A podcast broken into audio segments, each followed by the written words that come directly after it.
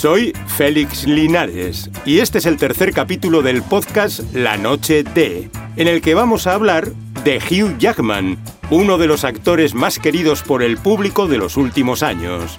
Enseguida les confesaremos por qué también a nosotros nos gusta tanto Hugh Jackman. Y les propondremos un pequeño juego. Escucharán las voces originales de dos famosas estrellas de cine para ver si son capaces de adivinar de quiénes se tratan. También repasaremos la crónica de sucesos de la gran Audrey Hepburn. Este año se ha cumplido el 30 aniversario de su temprana muerte y se han descubierto nuevos datos sobre su familia que la relacionan con los nazis y el mismísimo Adolf Hitler. Y terminaremos con un puñado de intérpretes de origen vasco que están triunfando ahora mismo en la meca del cine. Será en la sección Los vascos conquistan Hollywood. Comenzamos confesando nuestro amor por Hugh Jackman. Les vamos a desvelar ahora mismo por qué nos gusta Hugh Jackman. Hugh Jackman.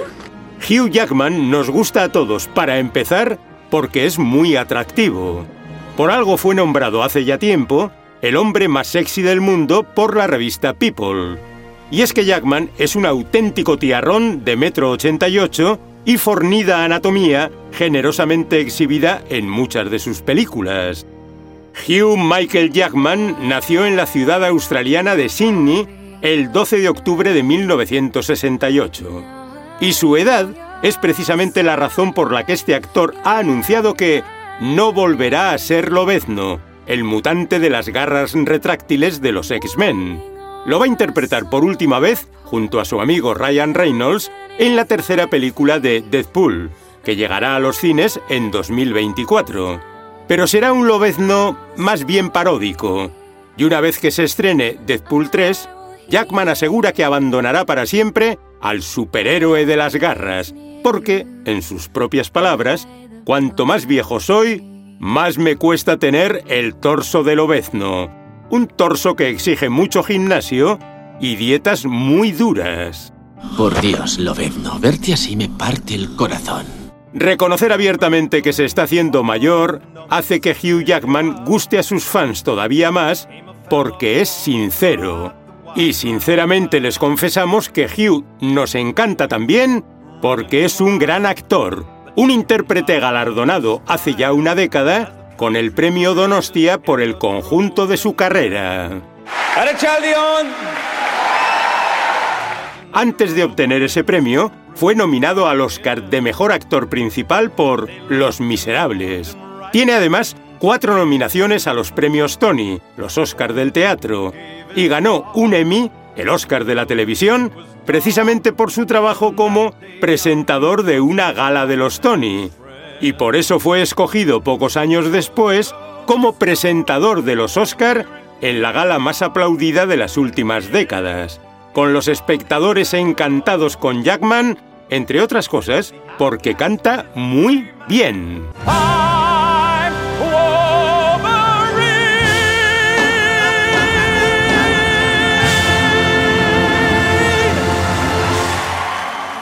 Antes de ser Lobezno, ya fue Gastón en el montaje australiano del musical La Bella y la Bestia. Y es que Hugh Jackman empezó en el teatro musical muchos años antes de triunfar en Hollywood. Y remontándonos aún más hacia el pasado, reconozcamos que Jackman despierta nuestro cariño porque tuvo una infancia muy dura. Hay que decir que es el menor de cinco hermanos que fueron abandonados por su madre cuando el pequeño Hugh tenía ocho años. La señora Jackman se mudó a Londres sin decirles nada, de forma tan repentina que el futuro actor lo descubrió al volver del colegio. Y él mismo reconoce que, hasta cumplir los 13 años de edad, todavía odiaba a su madre con toda su alma. Son palabras mayores. Mientras se hacían mayores, él y sus hermanos fueron criados por su padre, un hombre que fue soldado en su juventud, boxeador de cierto éxito y devoto miembro de la Iglesia Evangélica. Hugh Jackman siempre ha estado muy unido a él, y por eso el actor sufrió un duro golpe el 10 de septiembre de 2021, cuando su padre murió de muerte natural a los 84 años. Al menos, el bueno de Hugh ha logrado con el tiempo recuperar el contacto con su madre y comprender las razones que la llevaron en su día a marcharse de Australia. La gente no se desvanece sin más. Debe de haber tenido algún problema. No son pocos los que admiran a Hugh Jackman porque ha hecho las paces con su madre. Y ahora mismo su relación es muy estrecha, condimentada con detalles tan suculentos como el libro de recetas que la madre de Hugh Jackman le ha regalado al actor. Un libro escrito a mano por ella misma, con las más sabrosas recetas de infancia que solían cocinar allá en Australia cuando Hugh era niño todavía, como las hamburguesas de garbanzos que según Hugh Jackman están buenísimas. Créeme, te hablo por experiencia. Sin la menor experiencia como actor, el joven Jackman empezó a estudiar periodismo en la universidad. Y para completar los créditos necesarios, se apuntó a clases de interpretación, descubriendo en ellas que entre ser periodista o ser actor, prefería ser actor. Su primer papel destacado fue en televisión, en una serie australiana llamada Corelli, que fue donde Hugh Jackman conoció a su esposa. Se llama Deborah Lee Farns, es 13 años mayor que Hugh, y en aquel momento ella era la veterana estrella de la serie, mientras que él no era más que un principiante. Por eso mismo el actor no se atrevía a hablar con ella ni mucho menos a decirle que se estaba enamorando. Lo que hace que Jackman nos guste todavía más porque es muy tímido pese a su aspecto de superhéroe. Sí, algo así. Jackman y su esposa llevan 27 años casados, tienen dos hijos y él nos cae estupendamente porque es un buen padre y marido, o al menos lo parece. Pero también nos cae bien porque le costó triunfar. Fíjense, cuando fue escogido como Lobezno en la primera película de los X-Men, Hugh Jackman tenía ya 32 años. Y todavía antes, cuando todavía no había entrado en la serie donde conoció a su esposa, el pobre llegaba a fin de mes trabajando como payaso en fiestas de cumpleaños y también como animador infantil en un parque natural australiano, en el que debía pasarse el día entero disfrazado de koala.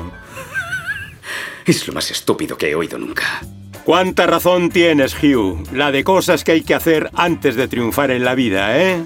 Bueno, dejamos atrás al gran Hugh Jackman para proponerles un divertido juego. Nosotros les ponemos voces originales de famosas estrellas de cine y ustedes tienen que adivinar de quiénes se tratan. Es la sección Adivina de quién es la voz. ¿Cómo te llamas? Uh, Shrek.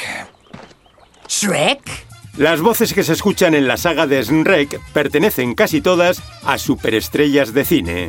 Al ogro del título le puso voz el cómico Mike Myers. El asno era Eddie Murphy y el gato con botas es Antonio Banderas. Pero, ¿recuerdan ustedes qué famosísima actriz prestó su voz al personaje de Fiona? Esta princesa se transformaba en ogro, pero la actriz que le dio voz es un bellezón de ojos azules, pelo rubio natural y metro setenta y cinco de estatura. Are you Princess Fiona? I am. Awaiting a knight so bold as to rescue me. A la dueña de esa voz la contrataron curiosamente como sustituta de última hora por culpa de una muerte repentina. Y es que el actor inicialmente contratado para poner voz a Shrek no fue Mike Myers, sino el obeso Chris Farley. Y junto a Farley iba a hacer de Fiona la cómica Janine Garofalo. Pero con los diálogos ya casi grabados por completo, Farley murió por sobredosis de cocaína. Su inesperada muerte obligó a rehacer la película, ahora con Mike Myers como el nuevo Shrek. Y en ese proceso despidieron a Garofalo porque su estilo encajaba bien con Chris Farley, pero no con Mike Myers. Y así es como al final a Fiona le dio voz la rubia actriz que mencionábamos hace unos momentos. This is me. Ella era Cameron Díaz, que aportó su propio estilo, aportando además un detalle muy sonoro en esta escena, porque gracias a Cameron añadieron un eructo en el siguiente diálogo. Thanks. She's as nasty as you are. El eructo que han oído se le escapó a Cameron Díaz sin querer mientras grababa sus diálogos. Entre toma y toma, ella estaba bebiendo un refresco con gas y el gas hizo de las suyas. Pero todos se rieron tanto que cambiaron el guion para incorporar el eructo a la película. Vamos ahora con Cazafantasmas 2. Haciendo de malo, intervino en este film un desconocido actor alemán llamado Wilhelm von Homburg. Pero su voz no se escucha en la película porque fue doblado por otro actor mucho más famoso y con mejor voz. Un legendario actor sueco, ya fallecido, que hablaba un perfecto inglés y que en otras películas jugó al ajedrez con la muerte y fue el exorcista más famoso de la historia del cine. Con esas pistas, seguro que adivinan de quién es esta voz. On a mountain of skulls in the castle of pain, I sat on a throne of blood.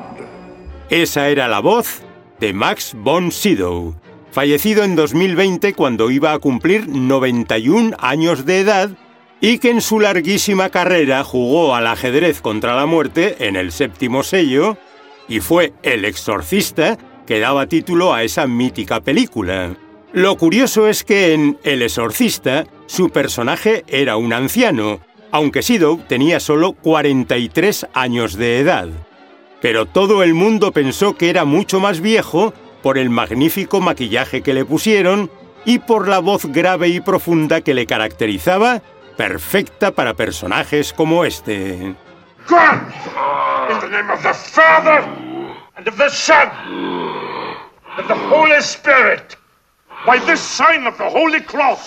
Of our Lord Jesus Christ, who lives and reigns with the Father and the Holy Spirit.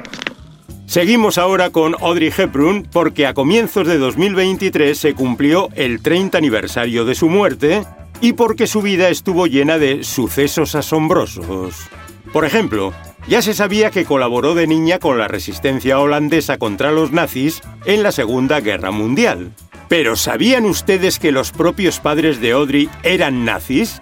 Lo vamos a descubrir en la crónica de sucesos de Audrey Hepburn. Bueno, esto ya está. Los padres de Audrey Hepburn eran nazis. Esa es la impactante conclusión de un reciente estudio sobre la familia de Audrey Hepburn. La mítica actriz de Vacaciones en Roma, Desayuno con Diamantes o My Fair Lady. Sí, por cierto. Siempre se ha dicho, y es totalmente cierto, que Audrey sufrió de niña la ocupación nazi de Países Bajos, donde vivió durante la guerra, y que allí colaboró con la resistencia contra los invasores alemanes. Y todo eso es cierto. Las crónicas no mienten cuando cuentan que protagonizó funciones de ballet para recaudar fondos para la resistencia, o que a menudo llevaba mensajes escondidos en los zapatos, haciendo de mensajera entre agentes antinazis. Si la hubieran descubierto, la legendaria actriz de Charada habría sido fusilada al instante. Bueno, si han de matarme de todos modos, me sacrificaré por mi país. Su país natal era Bélgica. Allí nació Audrey Hepburn, hija de una baronesa de Holanda y de un banquero de Inglaterra. Y siempre se ha sabido, por su partida de nacimiento, que su verdadero nombre era Audrey Kathleen Raston. Lo que no se sabía hasta hace poco es que la actriz de Una cara con ángel, por más que luchara contra el nazismo en su juventud, creció entre nazis. ¿Quiere explicarme de una vez qué significa todo esto? Significa que su padre, el banquero Joseph Raston, fue un declarado antisemita, miembro de la Unión Británica de Fascistas, partido político de ultraderecha con parafernalia y simbología de evidente inspiración nazi. El fundador de ese partido, Oswald Mosley, fue muy amigo del padre de Audrey, y se dice incluso que junto a Mosley y otros destacados fascistas británicos, el padre de Audrey Hepburn almorzó con Adolf Hitler en Múnich, poco antes de la guerra, en un encuentro internacional de simpatizantes del nazismo. Esto sí que es el colmo. El verdadero colmo es que su madre, la baronesa Ella von Hemstra, también perteneció al Partido Fascista Británico. Pero hay que decir que los padres de Audrey se divorciaron cuando ella tenía seis años de edad y desde ese instante su madre se alejó del fascismo para siempre. ¿Qué te parece? Les parecerá asombroso lo que ocurrió entonces. Y es que Audrey, de niña, estudió en un colegio interno de Londres, y en Londres estaba cuando estalló la Segunda Guerra Mundial. Con los nazis bombardeando la capital británica casi cada día, sus padres la enviaron a Arnhem, en los Países Bajos, con su familia materna, creyendo que la pequeña Audrey estaría más segura, porque en aquel momento ese estado era neutral. Pero la guerra también llegó hasta allí. Va a haber guerra en Europa. Lo sé. La actriz de Historia de una monja acabó siendo testigo de excepción de la batalla de Arnhem, una de las más terribles de toda la guerra.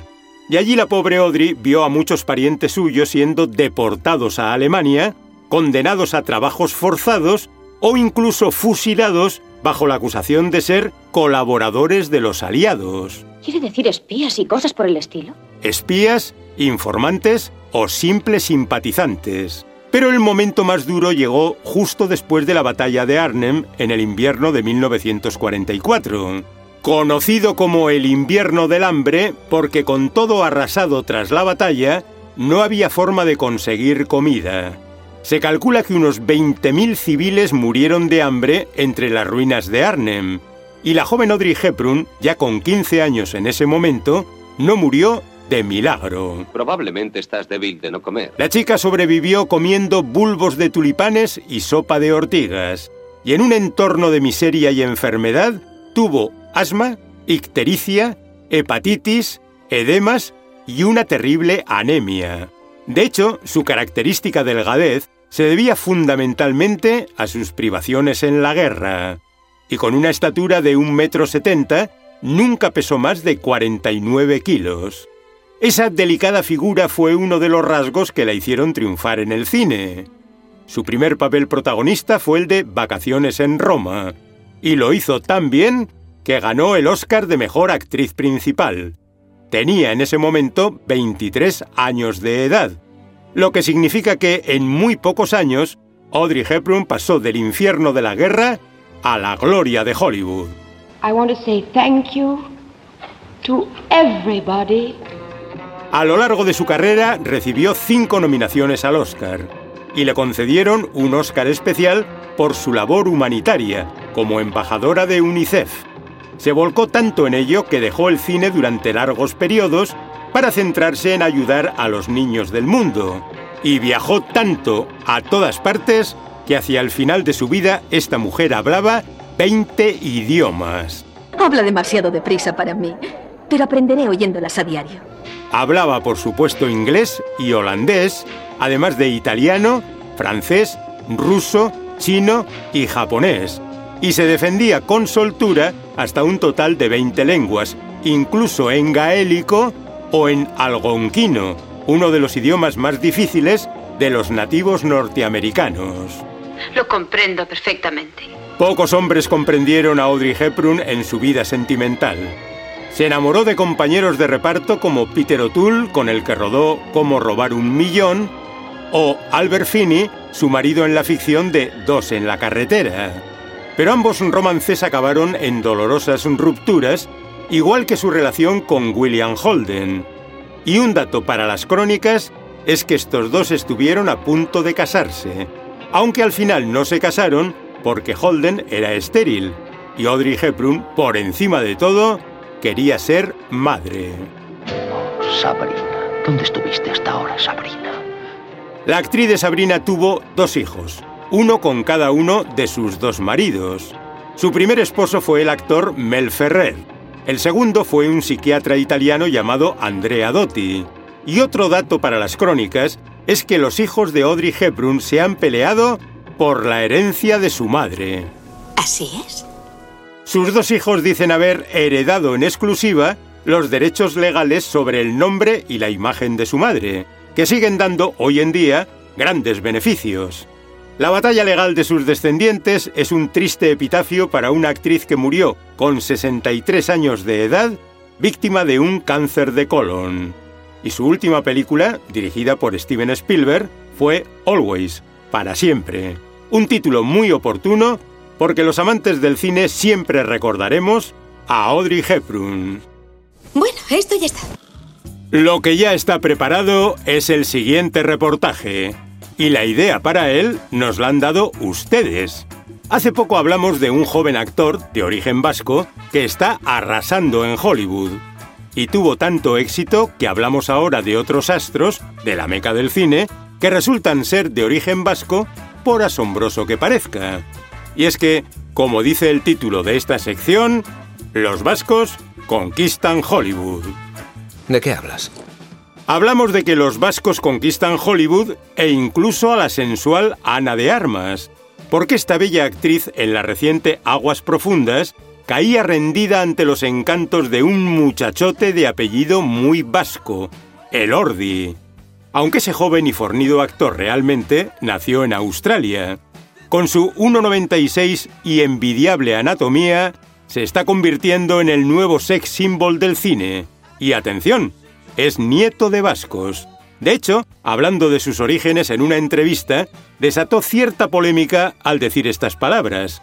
Mi abuelo me estrangularía si yo dijera que desciendo de españoles. ¿Alguien sabe quién cojones es? Él es Jacob Elordi y se ha hecho famoso con la impactante teleserie Euforia. El chico tiene 25 años y nació en la ciudad australiana de Brisbane, que está casi en las antípodas de Euskadi. Pero está tan orgulloso de su origen vasco que siempre recuerda que su abuelo fue uno de los 2.500 vascos que emigraron a Australia en la primera mitad del siglo XX para trabajar sobre todo en plantaciones de tabaco y de caña de azúcar.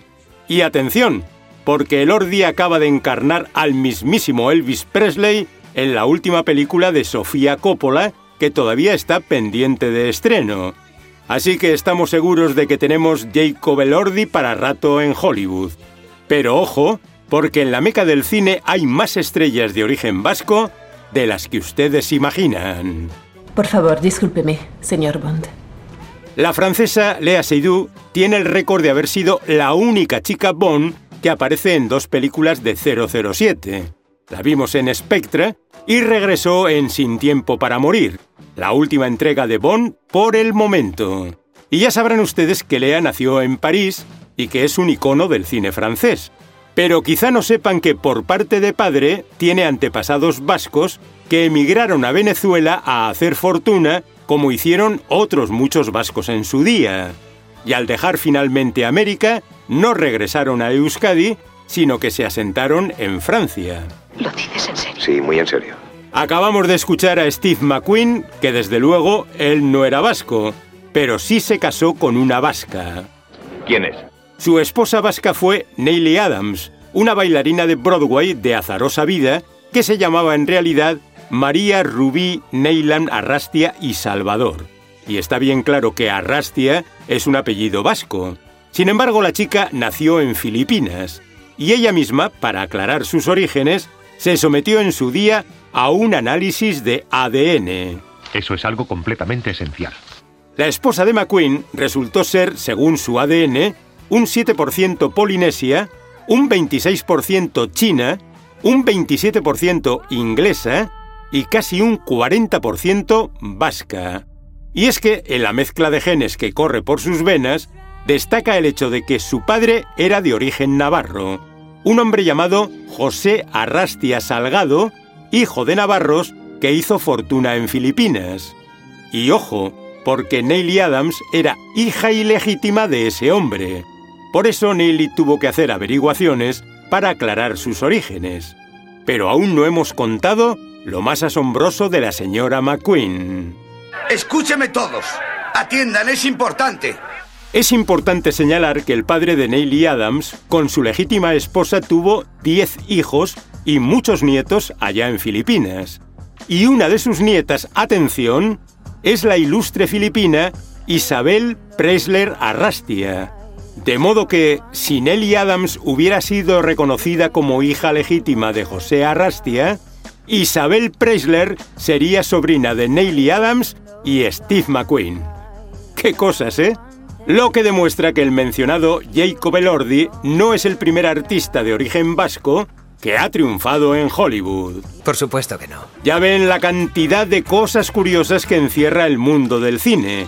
Por eso les emplazamos a escucharnos en nuestra siguiente entrega.